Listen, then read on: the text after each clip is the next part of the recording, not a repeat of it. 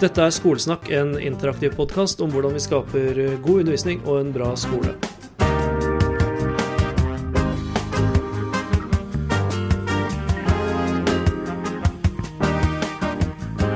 Hei, hei, her er jeg. Jeg er Jørgen, og du er deg. Eh, Dette ble en åpning av Skolesnakk som kanskje minnet litt om eh, et av mine store radioforbilder, Anne-Kat. Vestli. Hvis noen er så gamle at de husker henne, hvordan hun startet lørdagsbarnetimen med 'Hei på deg, her er jeg', og så var vi i gang og skapte et rom, romhund og jeg og deg og alle sammen.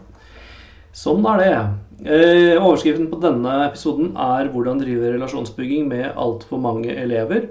Eh, og så har jeg satt 'altfor' i parentes. Og det er fordi at eh, det er en følelse man kan ha noen ganger, at mye av det som har med relasjonsbygging å gjøre, er enklere hvis man har færre eh, folk å forholde seg til. Eh, mange av oss har skoleklasser på 25-30 elever. Eh, kanskje vi har flere klasser, og eh, i hvert fall syns jeg begynnelsen av et skoleår, hvis jeg har fått helt nye klasser, at det er en, eh, en oppgave som nesten blir vanskeligere og vanskeligere. Eh, Og det er sånn at eh, eh, når man da eh, får den utfordringen, så kan man ikke bare gjøre mer av det man har pleid å gjøre. Man må nesten jobbe på litt eh, andre måter, og det skal jeg snakke om i dag. Jeg skal bare ta meg en liten slurk av nypeteen min. eh, God gammeldags eh, Det ble ordentlig retroepisode her. Nype-te. Utenfor vinduet er det mørkt. eh, Og jeg syns at denne tiden av året, når du kan merke at det blir litt lysere for hver dag, jeg syns den er spesielt fin. Det som jeg kanskje også bør si på begynnelsen av denne episoden, er at den er en direkte oppfølging av eh, den episoden som het 'Hva om vi kuttet ut anmerkninger'? Eh, Så hvis du ikke har hørt den før, så kan det jo være et tips å, å høre den først. Men på den andre siden, jeg har noen ganger ved by mistake sett på TV-serier hvor jeg klikka på siste episode først øh, uten å vite det, og først oppdaga det langt ute i serien. Og hjernen er veldig flink til å lage sammenhenger, så det kan hende det går bra uh, uansett. Men det er en del ting jeg kommer til å si som har direkte med, med den episoden å gjøre. Uh, og det er slik at jeg da har tenkt å ha uh, egne episoder som har den overskriften 'Hva om vi kuttet ut prikk, prikk, prikk'? Fordi vi må rydde plass noen ganger, og vi må kvitte oss med ting som ikke trenger å være med videre. Og jeg vil takke Elin, som sendte meg en melding etter den episoden og kom med et forslag hva, til en episode. Hva om vi kutter ut formuleringen 'sterke og svake elever' og andre retorisk utdaterte formuleringer og metoder? Og nå vet jeg ikke om det blir en egen episode bare om det eh, begrepet, men jeg kommer til å snakke litt om det i dag. Og det er jo det hele dette her eh, handler om. At ting som fungerte før, ikke nødvendigvis fungerer i den tiden vi er nå. Det skjedde noe morsomt på eh, nettstedet Facebook. Jeg prøver virkelig å holde meg unna, men jeg er der altfor mye. Og så jeg skal i hvert fall ikke diskutere, men så diskuterer jeg. Eh, og noen ganger så fører det jo til noe bra, da. Og på, inne på Status lærergruppa var det vel i forlengelse av den forrige episoden at Grete Vanvik Johansen skrev eh, følgende. Det var en som hadde skrevet noe om at eh, man må jo ha anmerkninger for at man skal lære konsekvenser. Så skrev hun når vi gjennom 13 skoleår framholder anmerkning som konsekvens, vil vi samtidig tone ned hva, det, eh, hva som er den egentlige konsekvensen av negativ atferd. Du lærer mindre når du bråker. Andre elever lærer mindre når du bråker. Du vil sannsynligvis ikke komme inn på den utdanningen du ønsker hvis du ikke følger med i timene. Eller en positiv vri. Eh, De som leser på leksene, vil få bedre karakter på prøvene, osv. osv. Mange av de elevene som i dag har lært at dårlig oppførsel fører til anmerkning, vil lære nettopp det, at konsekvenser er det samme som straff. Og takk for det, Grete. Og jeg, for ordens skyld spurte jeg om det var greit at jeg refererte dette. Og så ble det en diskusjon om hvilke teorier som da ligger bak de ulike tankene om konsekvenser og straff. Og dette er jo et enormt tema uh, som jeg ikke rekker på denne lille episoden. Men, men det jeg tenker er at eh, bak alle sånne tanker om konsekvenser, sanksjoner, straff, så ligger det teori. Det ligger, eh, det ligger ideologi, det ligger historisk tradisjon. Og det vi trenger, er å sette oss ned og, øh, og ta oss tid til å tenke gjennom det og diskutere det, sånn at vi ikke liksom bare diskuterer de ulike tiltakene fordi vi tror de er best, men at vi ser litt, øh, litt bak de konkrete tiltakene. Og Et slikt tiltak er altså disse anmerkningene. Jeg, jeg tenker på anmerkninger som et sånn multifunksjonsredskap. Um, og Det har vært morsomt å se diskusjonen etter den forrige episoden på hvordan man liksom sier om anmerkning er jo konsekvenser, anmerkninger er kartlegging, anmerkning er dokumentasjon, anmerkninger er mye forskjellig. Uh, og det er jo slik at uh, sånn, Jeg mener jo det er helt klart at multifunksjonsredskaper har sine fordeler, men de er ikke bra like bra som spesialiserte redskaper. altså Kinderegg, f.eks. Tre ting i ett det er en artig greie, men hvis du vil ha en ordentlig leke, så er det ikke det du kjøper. Hvis du har lyst på ordentlig god sjokolade, så er det ikke Kinderegg du kjøper. Husker jeg ikke engang hva den tredje tingen er. En uh, annen ting er jo uh, Swiss, sånn Swiss-kniv, som er innmari fin å ha med på tur. Fordi du har både bokseåpner og saks og, og skrujern og alt mulig. Uh, og det fungerer til det, men du vet at hvis du skal klippe noe greier, så må du ha en ordentlig saks. Hvis du skal drive snekkerarbeid, så må du ha et ordentlig skrujern. Ehm, da nytter det ikke med det apparatet der. Og med fare for nå ta dette ordentlig inn med teskje, så uh, kom jeg på en ting til. Så jeg var på sånn Elkjøp eller et eller annet, og sa skulle gjerne ha en hårklippemaskin som jeg både kan liksom skinne hodet og trimme skjegget med. Og da sa han med en gang nei, da må du ha to forskjellige. Det finnes apparater som kan gjøre begge deler, um, men det blir bedre hvis det er spesialisert. Eh, og hvis jeg nå har gnidd det eh, poenget inn, eh, så må vi se på disse forskjellige funksjonene som anmerkninger har. Og så se om vi heller kan finne mer spesialiserte redskaper. Og la meg begynne med da kartleggingsdelen av anmerkninger. Fordi har, det er jo åpenbart en, en, viktig funksjon. Og jeg tenker at Vi må drive kartlegging hele tiden, både enkeltlærere og fellesskap i et samspill. Og jeg tenker på kartlegging som uh, å ikke være liksom helt i øyeblikket i undervisningssituasjonen, men ta et skritt utenfra. Utenfor, se det utenfra, et metaperspektiv og ha et litt sånn analytisk blikk. Det er liksom, da, da tenker jeg at du, du kartlegger. Uh, og Det kan man gjøre i begynnelsen av timen, eller i slutten av timen, eller etter timen, eller når det er litt pauser. og liksom Ta det der, zoome, zoome litt ut. og hvis man jobber med få elever, så, så holder det. Ikke sant? Fordi vi har et arbeidsminne og vi har en, en korttidshukommelse som har ganske begrensa kapasitet. Vi klarer kanskje å håndtere seks, sju, åtte, ni ting av gangen. Men med en gang det begynner å bli flere enn det, begynner å bli flere enn ti, så klarer ikke hjernen å ta inn det. Det er så mye som skjer i et um, klasserom med mange mennesker at vi har ikke nubbsjans til å få med oss mer enn en, en, liten, en liten brøkdel av det. Det vet alle som har vært og observert undervisning og sett, sett, det bakfra i klasserommet, hvor lite den som står foran der, hvis han står foran, eh, faktisk får med seg. Eh, og et redskap der, enkelt redskap, er jo selvfølgelig klasselisten. Setter man seg ned eh, rett etter timen med klasselisten og tar noen notater, så hjelper man på at man kan få skrevet noe om alle elevene, kanskje. Og om man ikke klarer alle, så kan, man, eh, så kan man over tid få dekket eh, alle. Og Da kan man ta pennen sin da, og så skrive 'jeg 'kom for sent' eller 'hadde ikke med bøker' eller 'var urolig' eller sånn. Eh, og så er jeg ikke sikker på at det er det man trenger å, å notere. I psykologien så er det jo noe som heter Rosenthal-effekten. Som kort fortalt handler om at de forventningene du bringer med deg inn, påvirker sluttresultatet. Så at hvis du går inn i klassen og liksom forventer er det at du skal se etter eh, tenker at nå er det mm, mye uro, eh, knekte blyanter og bøker som er forsvunnet, så er det det du kommer ut igjen på andre siden og på en måte har, har fokus på. Ikke helt holdbar definisjon av Rosenthal-effekten der, men, eh, men, men, poenget er vel kanskje klart likevel. Hvis man går inn og ser etter hva er det som skaper motivasjon, hva er det som skaper mestring, hva er det som skaper trivsel, hvilke positive hendelser Eh, kommer til å skje i denne timen, og prøver å, å, notere seg noe av det, så får man et helt annet resultat ut. Uh, Hvis man har en klasseliste hvor man har f.eks. en kolonne hvor det står, uh, står disse overskriftene, da. Når, når, var den eleven motivert? Når fikk den til noe? Når var det noe som tydet på trivsel? Var det noen morsomme hendelser? Eh, og når man sitter med et ark med det, så har man en helt annen, helt annet overblikk og et helt annet grunnlag for å drive relasjonelt arbeid. eksemplene altså Det kan jo være sånne ting som ja, En spiller ishockey, en liker å, å se film med venner. Uh, en sa noe morsomt som fikk meg til å le, osv.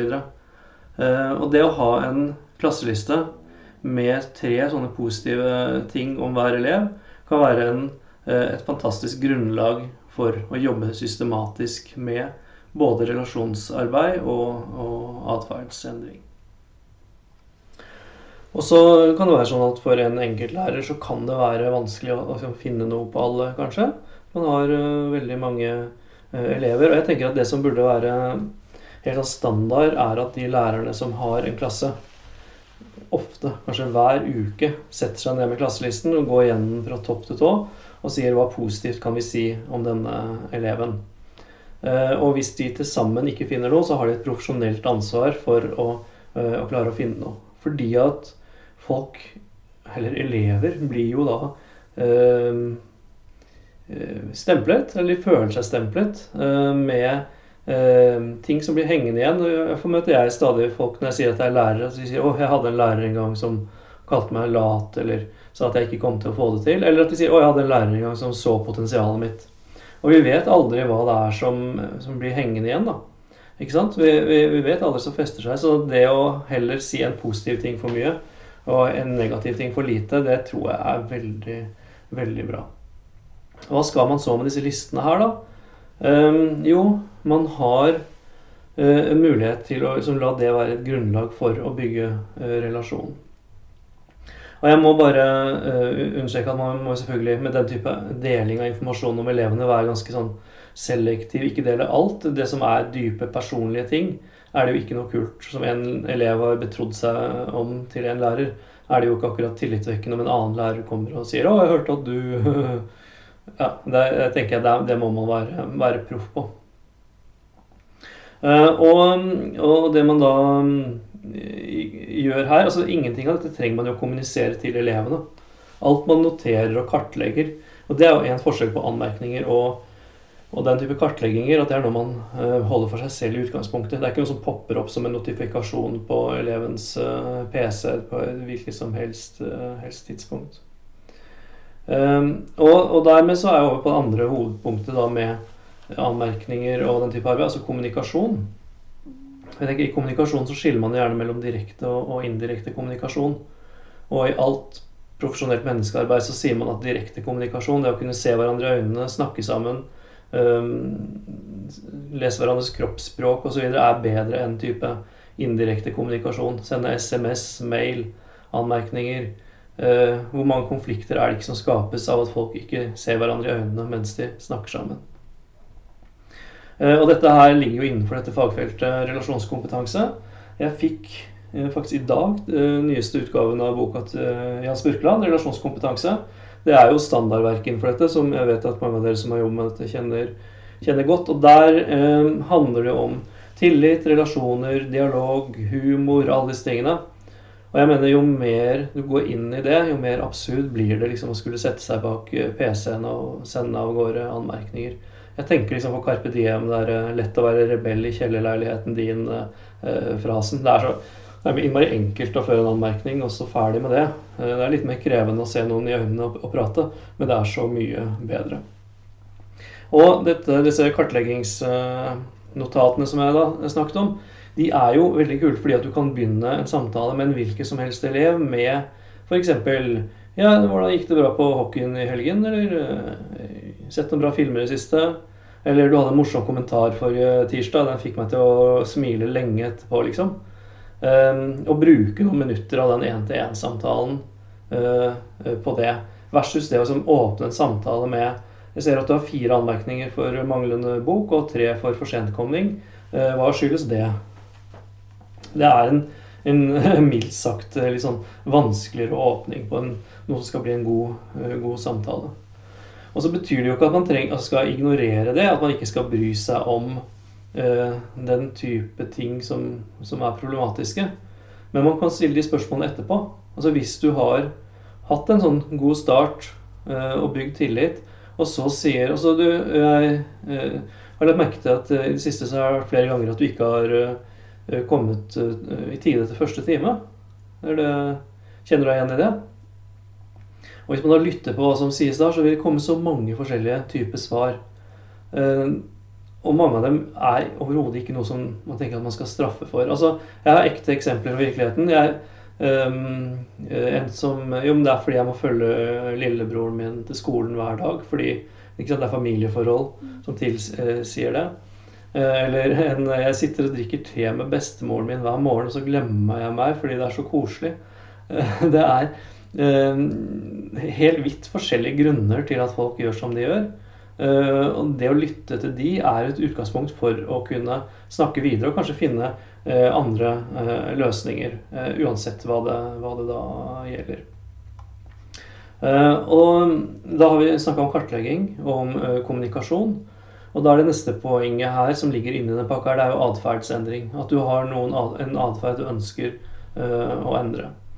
Og jeg tenker at alt dette snakket om straff og korreksjon og, og liksom skal ha en, en, effekt det kan fungere noen ganger. Jeg tenkte etter når det er det for meg, og det er f.eks. når jeg kjører bil, og det er liksom en ingen biler på veien og tørr, tørr, asfalt og sommerkveld og du har lyst til å dra på litt, så er det den derre hm, Hvis det er kontroll her, så får jeg bot. Det er jeg ikke villig til. Så da har det en sånn effekt. Eh, I veldig mange andre sammenhenger så, så har det ikke den uh, effekten. Um, det er jo helt, helt, helt, åpenbart. I, I mange andre sammenhenger så handler det mye mer om å å lære selvinnsikt og skjønne, forstå seg selv. Ofte så vet jo ikke verken vi eller eleven helt hvorfor gjør jeg som jeg gjør. Du kan være klar over at du gjør noe, eh, men jeg vet ikke helt hvorfor. Og det å utforske, det å heller snakke om det, eh, det er eh, kan være mye mer konstruktivt enn å si at dette her skal, skal straffes. Og det som dukker opp ofte da i, i disse samtalene her, er ja, men hva med ting som er drøye, da? Hva som er vold i skolen, f.eks skal ikke det få konsekvenser? Og det er jo et kjempestort tema, men jeg var veldig glad når jeg satt og så på sånn stream fra eh, Oslo-skolen, høring om Oslo-skolen her i forrige uke. For da sa Marte Gerhardsen faktisk, jeg må nesten si faktisk, at det som er kriminalitet ellers i samfunnet, skal også regnes som kriminalitet i skolen. Um, og hvis det blir etablert Nå har det jo vært mange store saker hvor dette her har vært litt problematisk. Så kan vi i hvert fall skille mellom det at Ok, Når det begynner å bli snakk om vold og tyveri og, og, og svindel og andre ting, så er det, er det barnevern og politi som, som, skal inn. Mens det er tross alt noe helt annet enn at noen har dytta noen eller, eller, glemt boken eller kom to minutter for sent til timen. Um, jeg tenker, jeg nevnte i den episoden om anmerkninger at uh, vi bør jobbe mer kvalitativt og mindre eh, kvantitativt.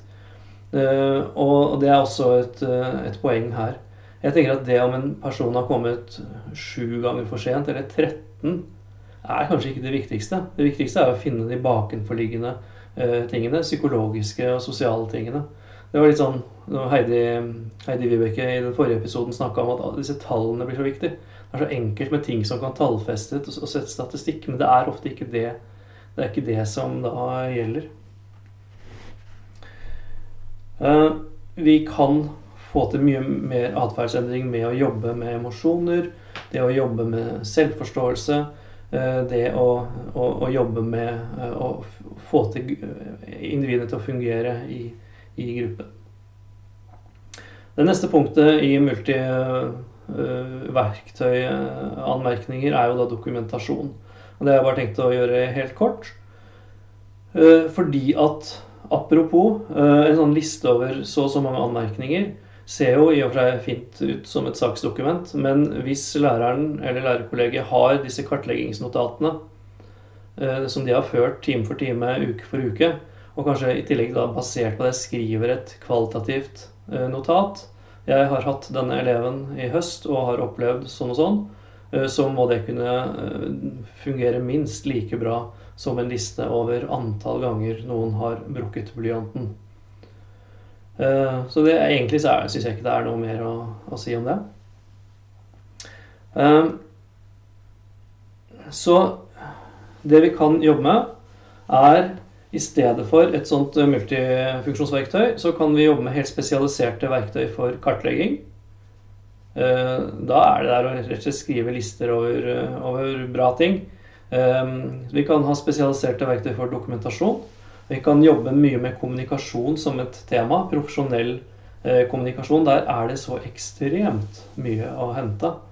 Og så kan vi få til de atferdsendringene som trengs på det grunnlaget. Og jeg skal ikke påstå at det er sånn super Det er ikke noen quick fix. Det er ikke noen sånn enkel eh, løsning. Eh, men det blir så utrolig mye bedre. Og det tenker jeg at i hvert fall du som hører på denne podkasten, er enig i at det er det verdt. Uh, det var egentlig det jeg hadde tenkt å, å snakke om i denne episoden. Jeg tenkte å gi noen tips helt til slutt. Nå har jeg nevnt den der relasjonskompetanseboken til Spurkeland flere ganger. I tillegg så er det en bok som det står at den ikke er i salg, men jeg håper at den kommer i salg igjen eller er på biblioteket. Og det er eh, Guro Øyestad sin bok eh, som heter 'Feedback'. Den syns jeg er utrolig fin. Der skriver hun om, om, det der å skape relasjon først. Fordi at hvis du skaper et vi da, mellom deg som lærer og eleven, at liksom vi, vi, har en relasjon. Hvis den er på plass først, så blir det mye lettere å gi den type tilbakemeldinger. Og da vil til og med kanskje eleven selv be om det. ikke sant? Kan ikke du hjelpe meg? Hjelpe meg til hvordan jeg kan fungere bedre eh, med de andre elevene. Hvordan jeg kan eh, fungere bedre eh, sosialt. I stedet for at hvis relasjonen ikke er etablert, og at liksom du sier 'hvorfor driver du og dytter på den og den', ikke sant? Og så går man i forsvarsposisjon. Um, og det tredje tipset mitt det er en podkast, en amerikansk eh, podkast som heter uh, Don't Keep Your Day Job. Uh, og hun som er gjest i denne episoden jeg skal linke til, det er en tidligere lærer som heter uh, Melissa Camieri. og Nå skal ikke jeg spoile alt der, men hun startet eget firma bare basert på å gi komplimenter etter at hun gjorde det systematisk. og hvis du tåler litt sånn amerikansk stil, altså du sier sånn awesome og sånn i annenhver setning. Men hvis du tåler det, eh, så er det en fin episode. Og hennes hovedbudskap er at det å gi eh, komplimenter til menneskene du har rundt deg, er, kan være livsforandrende. Og tipset hennes er um, at man da er spesifikk og ikke helt obvious. Sånn, I stedet for å si 'du var så flink', så sier du den derre vitsen du fortalte forrige tirsdag, fikk meg til å, til å le en hel dag etterpå, liksom. Eller hvis noen er liksom veldig flinke til å, å, å danse, så ikke liksom nødvendigvis si det, men si 'Å, jeg ser at du er en veldig god venn. Og hun sier sånn Et spesifikt kompliment, kompliment og et spørsmål eh, er det som ofte skal til for å sette i gang en, eh, en relasjon. Så min utfordring til deg er, når denne episoden nå er straks over, er kikk rundt deg. Har du en kollega? Har du en Eh, elev som det går an å si noe positivt om og til. Vær spesifikk eh, og kanskje stille spørsmål, så er du i gang med å skape en relasjon som kanskje ikke har vært der før. Tusen, tusen takk for at du er med i Skolesnakk.